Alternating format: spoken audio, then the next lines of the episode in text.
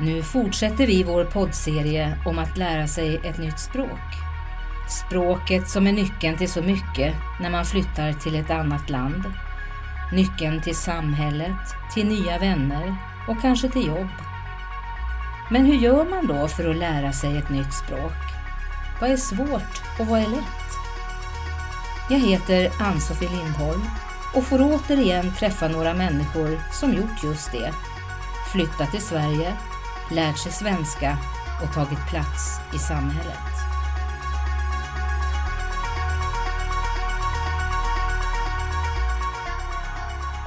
Idag träffar vi Jusser som pratade med svenskar så mycket hon kunde för att lära sig mer och mer svenska. Snart tar hon sin universitetsexamen.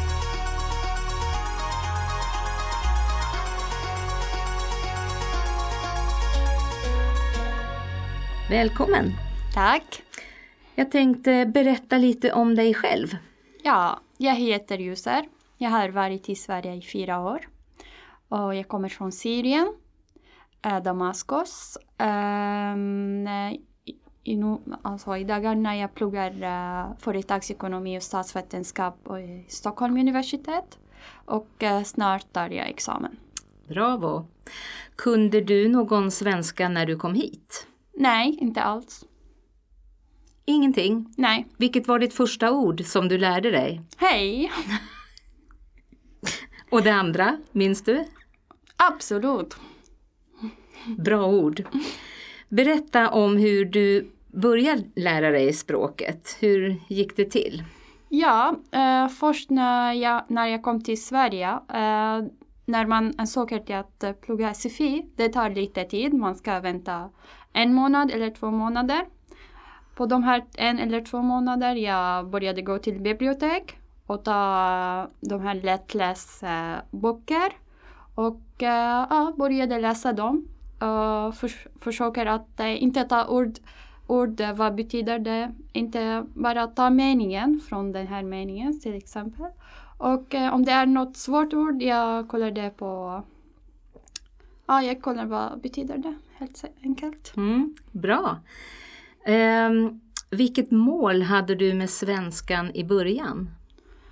Uh, det är självklart vi har flyttat till ett nytt land för att uh, anpassa sig till uh, själva samhället och att uh, öppna alla dörrar här i det här nya landet. Man, kan, man skulle kunna språket och jag ville självklart gå till universitet. Så jag hade de här två mål man kan säga. Vilket är ditt bästa språkminne från då när du var nybörjare? Minns du något speciellt? Något speciellt? Ja, jag hade intervju på Migrationsverket där eh, de ville intervju intervjua mig, fråga några frågor. Och uh, där kunde jag mest klara mig utan hjälp av uh, tolken som de har hämtat. Så de var jätte jätteglada att eh, jag har inte varit eh, typ sex månader i landet och jag kunde så här bra språk. Bra. Och jag själv blev glad faktiskt. Vad tycker du är enklast med svenskan? Uh, enklast? Uh, först jag kände att det finns flera ord som liknar engelska. Och det faktiskt uh, gjorde det lättare för mig att lära mig språket. Sen det med själv, själva svenskarna som de hjälper också att man uh, lär sig svenska. Det som jag kan säga att jag lärde mig mest med att prata med människor. För att uh, de är mycket hjälpsamma. Uh, de förvirrar inte dig om du säger något uh, svårt ord.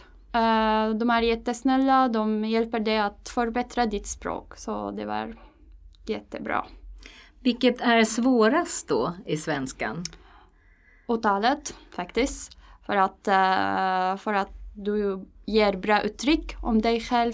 Du ska prata språket med ett bra uttal. Uh, så det är som jag försöker jobba mycket på. Det tar ju tid och kraft att lära sig ett nytt språk. Hur motiverade du dig när det kändes tungt? Ja, eh, det var faktiskt eh, några perioder som jag orkade inte och jag ville bara ge upp. Men eh, Eh, sen jag sa till mig själv, nej det går inte så här. Man ska alltid kämpa, det är absolut svårt, det är inte något lätt. Men eh, om man eh, kämpar lite, om man eh, har ett mål, det är det att jag har ett mål och jag vill vad jag vill nå i livet. Så det är det att jag motiverar mig själv, det kommer från inuti, från den här mål, målinriktad som jag har. Vilka tips skulle du vilja ge till dem som lär sig svenska nu?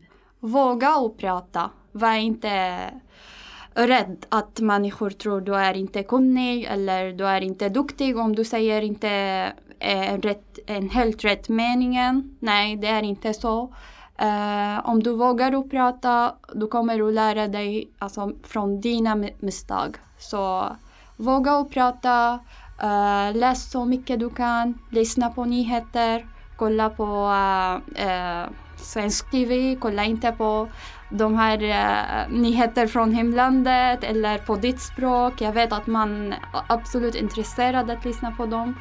Men uh, för en, en period, uh, lyssna på svenska nyheter på svensk TV och du kommer att se skillnaden. Tack så hemskt mycket. Tack.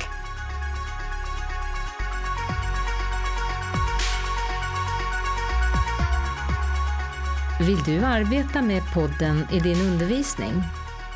Då ska du veta att till varje poddavsnitt finns arbetsmaterial med till exempel hörförståelsefrågor och fördjupningsuppgifter. Här finns också förslag till hur du kan använda läroböcker från Natur och Kulturs stora utbud.